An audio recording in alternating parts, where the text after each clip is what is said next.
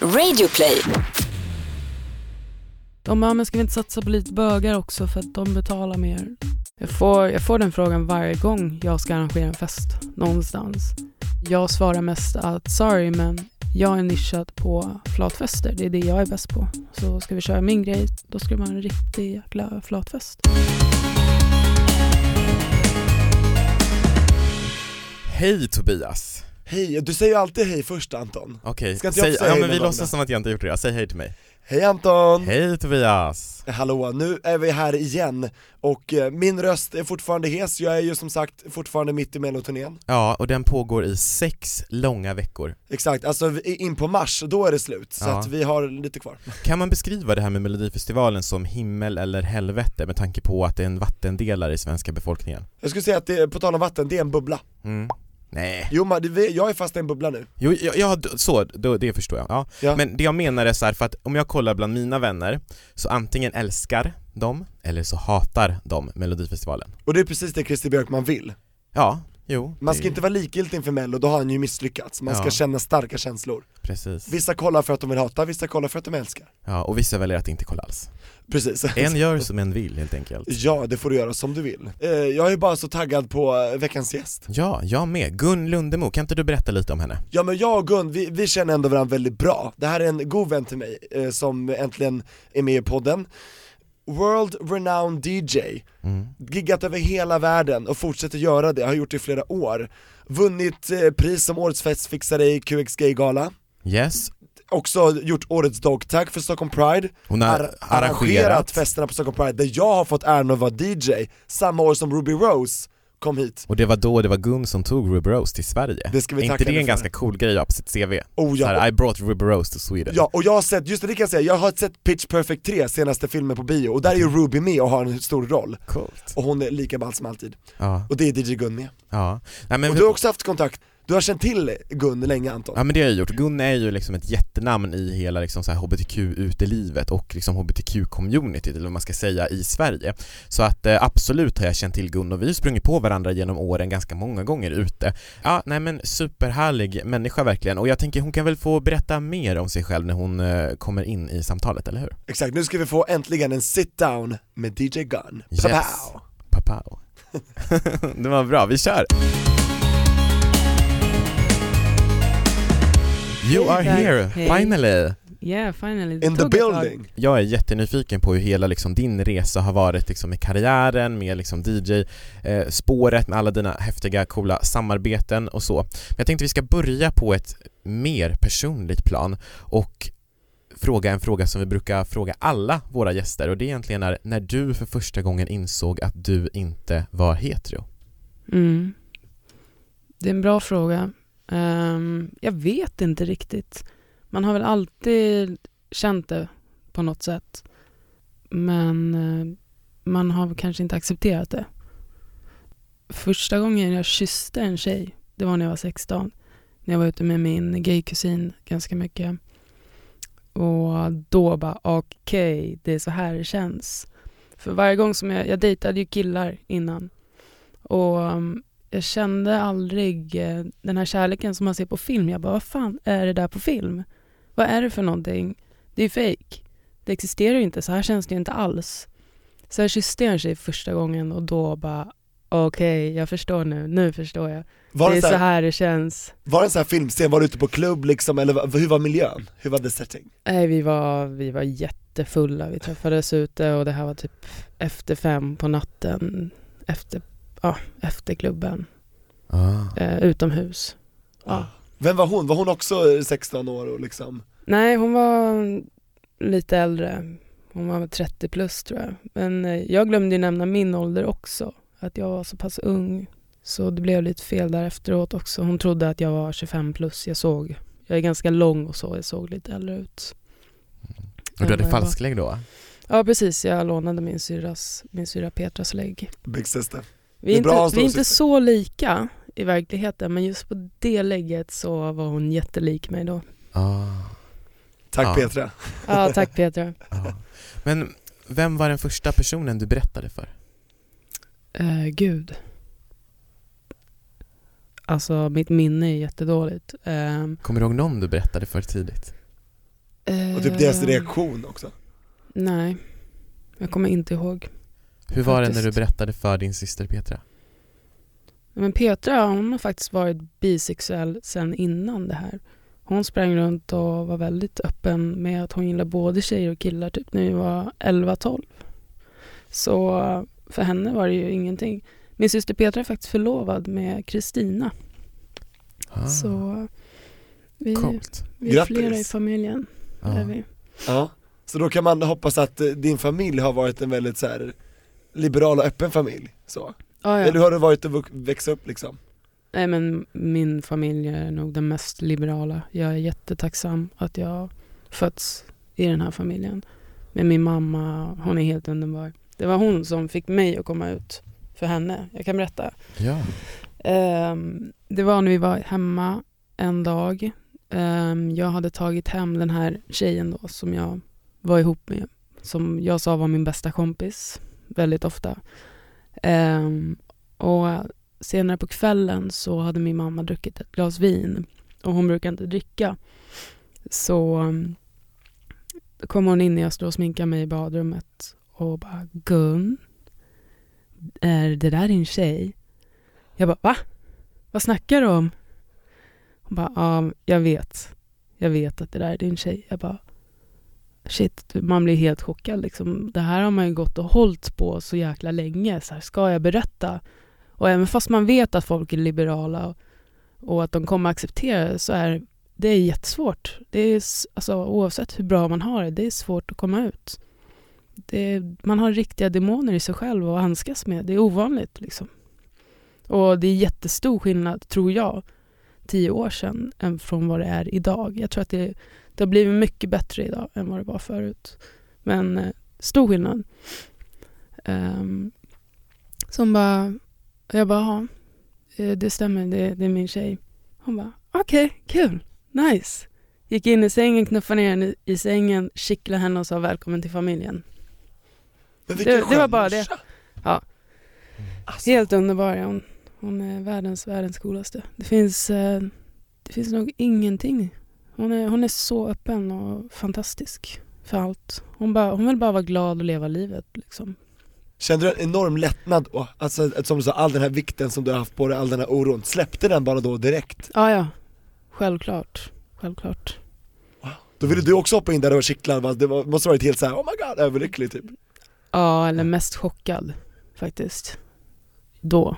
Sen, sen alltså, man, man vet inte. Vi människor vi är väldigt bra på att gå och hålla på saker som det är så här självdestruktivt beteende. Vi är bra på att gå och hålla på saker utan att släppa ut och säga det. När det väl är utsläppt, då är det bara så här smooth och normalt igen. Kanske inte överlycklig, men att det bara känns bra. Så, så kändes det. Förstår ni vad jag menar? Förstår Ja. precis Listen and learn parents. Ja men det är sådär det ska tas, alltså Verkligen. som, som vilken annan grej som helst och sen så bara går vi vidare med våra liv liksom Mm. Och när kom liksom, när började liksom gå ut, var det, var det då när du var 16 och började få liksom en, få en, ett, ett intresse för utelivet och DJ och sånt där? Nej, ehm, från att jag var typ 12, det fanns sådana här eh, foam parties, skumpartyn för ungdomar som var alkoholfritt från att man var typ, jag vet inte, 13, 14. Typ på elverket eller? Precis. Ja, jag såna. älskar elverket Så jag började som biljettförsäljare för, eh, jag kommer inte ihåg vilka, men de, jag kommer ihåg vad de het, hette. De hette typ SBN och La Cream och ja, lite olika. Så jag började sälja biljetter till de här, fick man lite provision och så, fick komma in gratis och jag fick ganska bra kontakt med arrangörerna. Sen jobbade jag upp mig, jag blev biljettansvarig året därpå och sen ehm, efter typ tre år, fyra år, tre år kanske, när jag var, var 15-16, då blev jag huvudansvarig för hela festen. Så då arrangerade jag min första fest som var då La Cream eh, i Solnahallen. Eh, I tre gympasalar faktiskt. Så vi, vi, det var jag och en kille som heter Alexander. Så vi fick dit 3500 ungdomar. Oh my god Så det var den första festen som jag arrangerade. Så innan så har jag ju haft väldigt stort intresse på att arrangera events. Och hur var det liksom din första fest, hur gick det? Eh, det gick jättebra. Alltså fylla en lokal med 3500 personer, det är ganska så mycket faktiskt. Alltså första gången, och wow, och det var som tre salar med liksom olika DJs igång samtidigt liksom Precis, och vi aktiverade biljettförsäljare i eh, hela, ja, överallt, alla skolor, alla olika skolor hade någon biljettförsäljare som fick eh, ta 50 biljetter var och så hade vi 60 stycken som sålde. Så det är 3000 biljetter. Eh, men vi sålde ju inte alla. Så det var ju sådana här grejer som hände i Kungsträdgården med jättemycket ungdomar så fanns det typ tusen biljetter kvar och då brukade jag gå runt och bara ge bort dem gratis. Typ, kom på fest allihopa. Vi kunde gå en hel dag bara för att fylla upp det liksom och göra det bra. Wow Nice. Och, och vad, hur fortsatte det sen? Då fick du ju mer smak kan jag tänka mig, du bara det här är så, det, det här vill jag göra liksom Mm. Jag, jag tyckte att det var jäkligt kul. Jag har alltid gillat att arbeta hårt och arrangera och skapa saker. Så sen när jag började gå ut när jag var 16 och började få intresse för tjejer, då såg jag så här, shit, det finns inte så mycket som händer i flatvärlden. Det var typ de här Club G, eh, jag tror de hette Connected, men det, det fanns inte tillräckligt mycket för att vara en, i en huvudstad. Och det gör det inte idag heller. Verkligen inte alltså. Vi behöver mycket mer än vad vi har. Så är det någon som vill arrangera fester där ute, gör det. För vem som helst kan göra det. Hur går man tillväga då liksom? Man kontaktar en lokal, olika lokaler. Kommer överens om någonting bra. Någon bra deal. Man kan göra det vad som helst. Det är bara att kommunicera. Det Sälja är bara att ställa frågan till vem som helst. En klubbägare, de, de är glada, de vill ha dit folk. Så kan du dra dit folk och motivera folk och ha promoters. Det kanske kan vara ett tjejgäng på 10 pers som gör ihop. Då absolut, vem som helst kan göra det. Ja, för du var inne på någonting där också Gun som jag tycker är viktigt, Anton du och jag har pratat om, när man pratar om gayliv och gaynöje i Sverige, då är det oftast kanske bögar som folk tänker på, så här, bögklubbar Ja, det, och sånt, eller? Ja, det, det jag menade egentligen var att när man säger gayklubb så, så tänker ofta folk att det är en bögklubb då. Och Killar det, som gillar killar liksom Ja men precis, och att det liksom är ett undantag om det är så här eh, lesbisk kväll eller vad man nu ska säga, så här, eh, lesbian club, alltså, och det, det tycker jag har varit så jävla irriterande. Alltså jag kommer ihåg att det var en nattklubb i Stockholm som var liksom en gayklubb och då hade de så här en gång i månaden hade de så här typ så här tjejkväll och man bara ja fast vadå, är inte alla kvällar liksom för alla eller vadå? Då, det, det, de gjorde det så tydligt att det liksom var för män eh, de andra dagarna liksom. Ja, Hur, hur tänker du kring det här Gun? Alltså jag tror... Um, grejen är att de flesta gayklubbarna har mest män. Det är alltid så. Och när jag ska förklara för någon att vi ska på en gayklubb, då måste jag antingen säga gayklubb eller mixad gayklubb. Man måste vara tydlig med det. Uh, för att det är mest män. Så är det. Men så är det ju överallt. Nej, men, men så är det. Det är ganska mansdominerat överallt och det, det är samma på, på gayklubbarna. Um, och ha en flatklubb i månaden, det kan ju låta fel som du sa. Alltså, men jag tror inte att arrangörerna i sig har skapat att det ska vara en, en gayklubb för killar. Jag tror bara att det har blivit så, Mm. för att det är så det är. Hur ska man kunna göra då för att få en bredare liksom representation och eh, har du någon idé på hur det skulle kunna ändras? Absolut, alltså du ser ju bara i alla, ja, men hur, hur det marknadsförs. Det är ju bilder oftast på nakna killar ehm, i all marknadsföring. All marknadsföring, det är ju mest män där också. Det behövs mer equality där. Så att vi blir peppade på att gå också. Är det bara bilder på killar, då förstår jag att vi inte går dit. Liksom. för jag har hört vissa som säger att det, det, det är sjuka argument, jag vet inte hur du ställer dig till det Gun, att typ, ja men så här, tjejer som gillar tjejer inte går ut så ofta, eller typ att de har mindre pengar Alltså jag har hört sådana där grejer, att män tjänar mer och kvinnor går inte ut så mycket på klubb, de köper inte lika dyra drinkar, det är mest öl, inte så mycket så cocktails Har du hört det här förut, att folk använder de argumenten? Absolut. Att det inte är lönsamt att ha tjejer? Jag, alltså- får, jag får den frågan varje gång jag ska arrangera en fest någonstans. De De bara, men ska vi inte satsa på lite bögar också för att de betalar mer? Jag får den frågan väldigt ofta. Hur känns det och vad svarar du då? Liksom?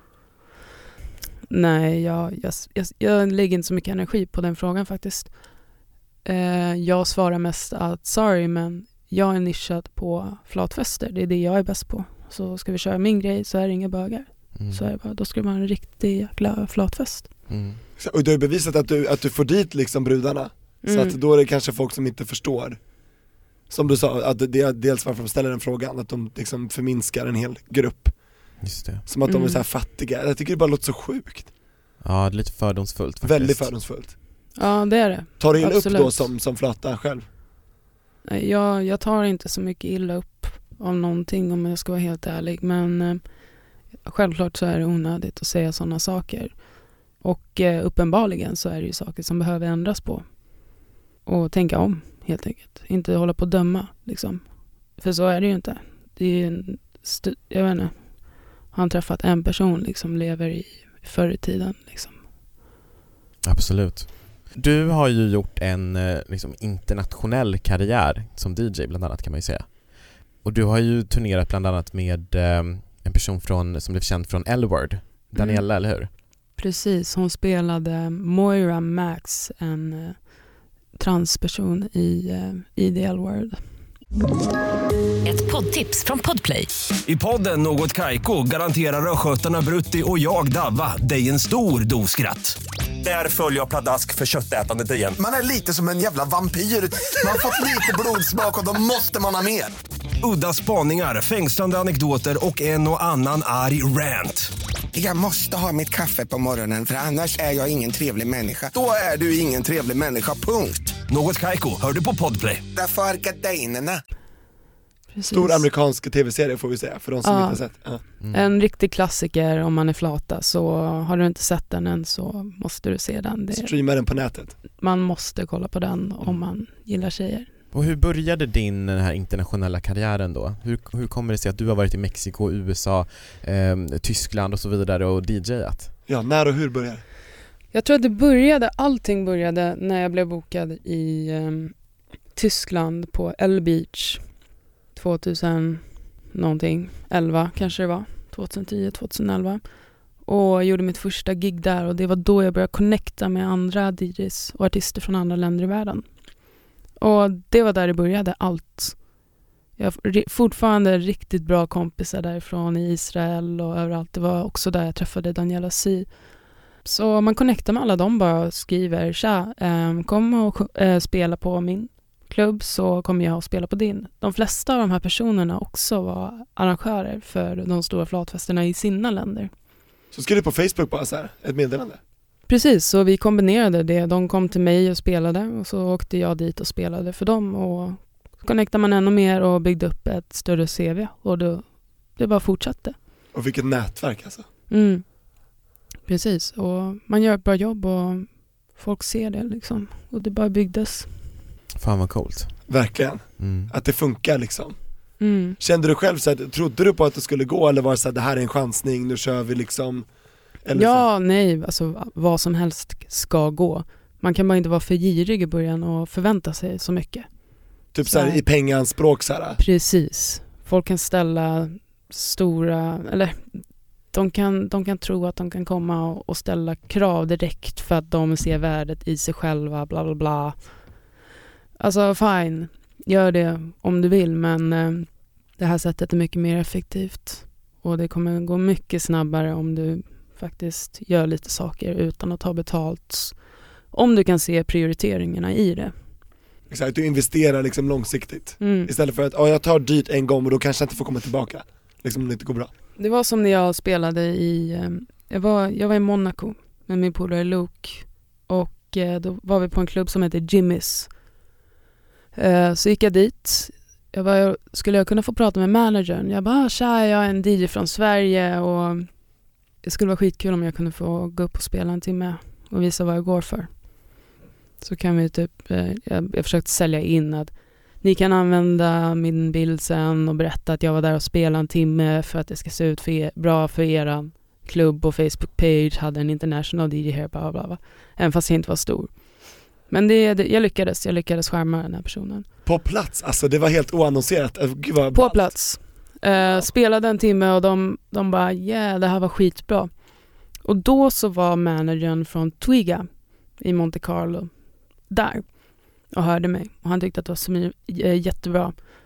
Och Twiga det är Flavio Briatores eh, klubb och han har en hel line som heter Billionaire Mansion, Capriani och Twiga i, Mon- i Monaco. Så någon månad senare så hörde deras manager av sig och ville boka mig. Så de gjorde det, så jag åkte dit och, och spelade. Eh, och de var jättenöjda. Så de började flyga över mig så jag kunde köra som, som resident en eller två, två veckor i taget. Eh, och då antingen spelade jag innan eller efter den andra DJn. Så en kväll så hade, hade jag spelat färdigt så jag åkte hem och satte på mig pyjamas och då ringde de upp och bara Flavia Briatore är här. Du måste komma tillbaks, han ber om det. Han sa jag vill ha Gun hit. Hon måste hit, hon måste hit. Så det var bara att klä på sig och åka dit och köra igen. Jag vet inte om ni vet vem Flavio Briatore är här. Han har Grand Prix Formula 1 i Monaco. Oh. Jag tror han har en dotter eller en son med Heidi Klum. Skön snubbe. Så han har också tagit mig till Billionaire Mansion i Dubai nu. Och ja, det genererar väldigt bra. Mm. Och hur tycker du Gun att liksom gayscenen och kanske flatscenen är utomlands? Du som har varit typ i världens alla hörn, hörn Mm. liksom. Väldigt lik överallt faktiskt. Det är inget som sticker ut varken bra eller dåligt eller har du några, några minnen så här när det var riktigt bra, kanske när det var mindre bra, när du kände dig kanske hotad, du kände dig Har det varit något sånt liksom? Nej, det Nej. har det ju faktiskt inte. Jag älskar eh, Mexikos och typ Costa Ricas gayscen. Mm. Den är underbar. Men Hur människorna i sig är ju väldigt passionerade och underbara också. Så det kanske är det. Ja, kanske. Du sa att ditt första stora internationella gig var på L-Beach, stämmer Mm. det? Det är ju en jättestor liksom, flatfestival. Hur Precis. var det att liksom komma dit och få spela där? Alltså, jag tror inte att de visste att jag typ... Alltså det här var nästan typ mitt tredje eller fjärde gig som jag någonsin hade gjort också.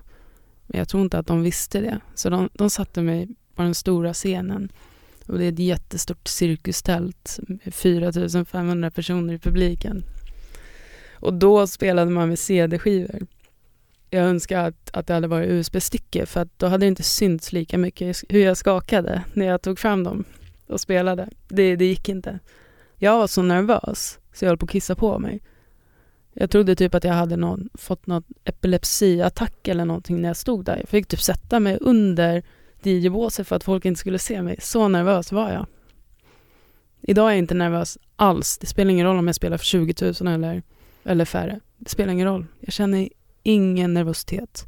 Men då, alltså jäklar. Men det har jag jobbat bort. Vem som helst kan jobba bort scenskräck. Så är det. Hur överkom du det? Hur jobbade du bort det liksom? Jag gav mig fan på det och bara ge mig ut där. Man måste utsätta, sig- utsätta sig för liksom Ja. regelbundet Jag hade inte riktigt scenskräck innan. Jag har alltid velat vara konferencier också. Eh, så jag har alltid älskat att gå ut på scener och prata inför folk och så. i micken liksom Men att prestera och spela musik och mixa live, det är ju en press på ett annat sätt. Så där hade jag en scenskräck. Ju mer gånger jag spelade, desto mindre scenskräck hade jag. ja. Och du överlevde gigget, eller kissade du på det eller hur, hur gick det? Nej, jag kissade inte på mig. Det gick bra, jag överlevde det. Men eh, jag gjorde ett misstag. Jag kommer ihåg det. Min boot monitor, min medhörningshögtalare eh, högtalare som jag hade hos mig, den var på högsta volym.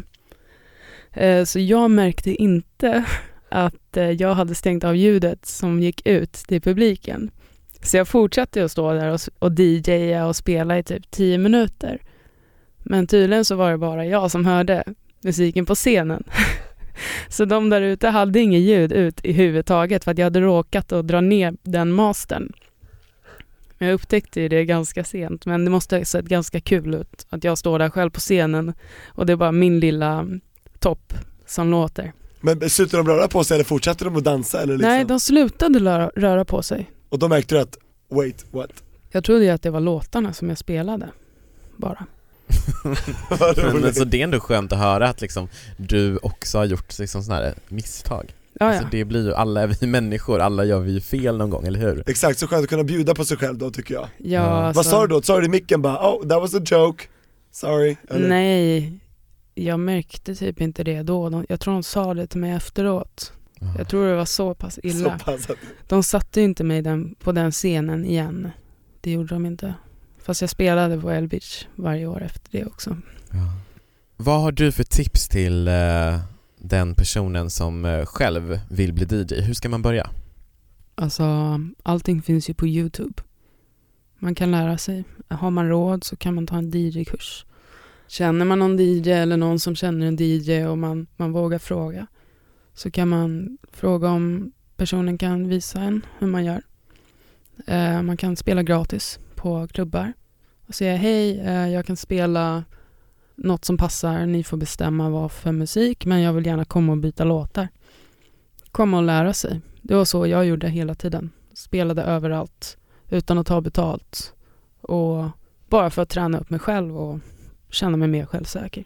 gjorde du något samarbete med andra DJs, typ och så, eller så här, gick du bakom någon eller bredvid någon annan DJ? Hade du så här förebilder eller så här? Nej, det gjorde jag faktiskt inte. Eh, eller jo, med min syster Lina.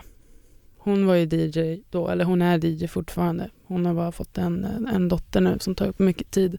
Men hon turnerade ju i hela världen precis som jag gör nu. Och var alltså den hetaste i världen i princip. Alla ville ha henne överallt. Så hon var en stor förebild och kanske är fortfarande liksom så? Men jag tror att eh, det var hon som gjorde att jag ville testa DJ från början. Och det var hon som visade mig hur man DJ när jag var, från att jag var typ 15-16. Det är en lyx att kunna ha det. Ja, ja, absolut. Så hon, hon lärde mig grunderna. Sen har du kört flying solo sen dess liksom. Jag hade en eh, duo under några år förut Just som det. jag jobbade med. Mm. Men eh, sen blev det solo. Det är roligare att vara själv, eller hur? Ja, mycket roligare. Ja. Men det är kul att göra podden med dig Anton, det är inte det jag säger att jag ska, Nej, jag, Break fatt, jag free, så. fattar. men du fattar vad jag menar. ja. Men ehm, jag tänker på, vad har du för planer framåt? Eh, kommer du arrangera fler liksom, stora fester i Sverige? Kommer du göra någonting vid Europride? Självklart. Eh, jag håller på att kolla på en lokal nu. Jag gjorde ju förra året så gjorde jag The Lesbian Inside Festival 2017 Mm. som var jätte, jättelyckad. Så jag kommer göra samma grej i år på lördagen, lördagen på Pride. Jag kommer nog göra mycket fester i Göteborg också. Jag brukar göra det för West Pride. Och nu har ju de också Europride, Stockholm och Göteborg delar ju. Mm. Så jag kommer nog göra, jag kommer nog göra jättemycket både i Stockholm och eh, i Göteborg. Jag brukar göra officiella invigningsfesten eller avslutningsfesten för West Pride i Göteborg. Jag tror jag kommer göra tre fester eller någonting där nere och så kommer jag jag kommer satsa på min lördagsfest, fokusera på den men det kommer nog hända mycket mer också. Du kommer ha fullt upp låter det som alltså. Ja, det kommer jag väl. Skytteltrafik fram och tillbaks öst och västkusten hela tiden liksom. Ja. Jag Ja. längtar fan till Europride alltså, det är coolt att det är i Sverige i år. Jag med, Det var tio år sedan va? Det var 2008 tror jag vi 2008 hade var det. det sist. My first Pride. Coolt att vi kan göra det två veckor också Mm. i Göteborg och Stockholm. Mm. Tycker jag Det med. ska bli intressant. Ja. Ja. verkligen. Visst är det Stockholm som är först och sen är det Göteborg efter Mm, tror jag? Precis. Ja. Och Pride är också ett gyllene tillfälle att liksom smaka och plocka lite på kärlek som jag brukar säga. Och Gun, du, jag vet att du har ju flickvän idag, Mm. eh, och ni har varit upp eh, ett tag va, eller? Ett och ett halvt år Ett och ett halvt år? ungefär. Allt är bra där, allt går bra, för hon är ju från, eh, är det Bulgarien. Bulgarien? Och, eh, men du, jag, jag har varit med ute på klubbarna tidigare back in the day och då har det varit en liksom Det är en köttmarknad, det är bara att köra sin grej, om man vill ha någon då är det bara att köra liksom Mhm. Och jag tänkte fråga dig så här, vad är dina bästa tips? För du har ju sett allt och hört allt som liksom DJ där på klubbar Hur ska man ragga liksom och vad ska man inte göra och sådär? Jag tycker inte att man ska försöka ragga så mycket. Jag tror att det är uppenbart när man har, man har ögonkontakt. Då kan man nog se ganska tydligt om det finns ett intresse hos den andra personen. Kanske. Men det är så jag är. Bjuda på en drink eller ett glas vatten om man inte har råd. Försöka ta kontakt. Det är mitt enda tips, men att ragga, nej. Vad säger Anton? Mm, men jag tycker ja, det låter bra att liksom våga ta kontakt, jag håller med om den Mm. helt och hållet för att ibland är vi lite för svenska, eller vad man ska säga. Och försiktiga. liksom, ja men precis, att vi liksom inte vågar och sådär. Nej, vi är för stolta. ja.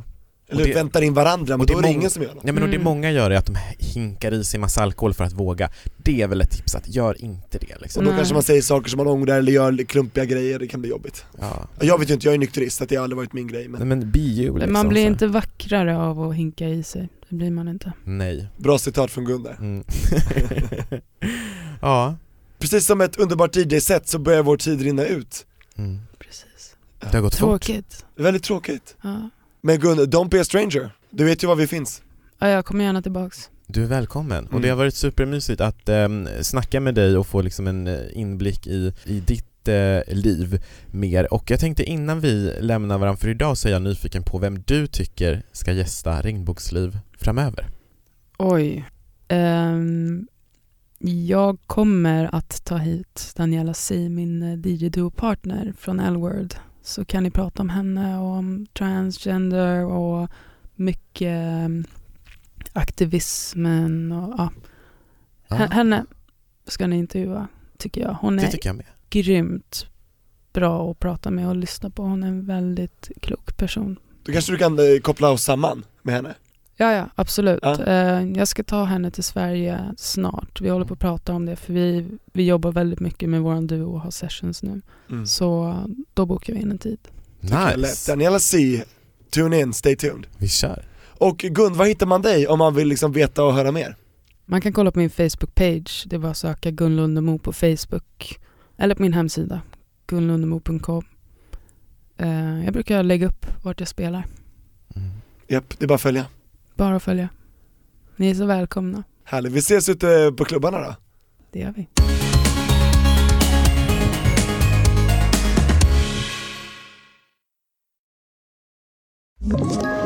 Ett poddtips från Podplay.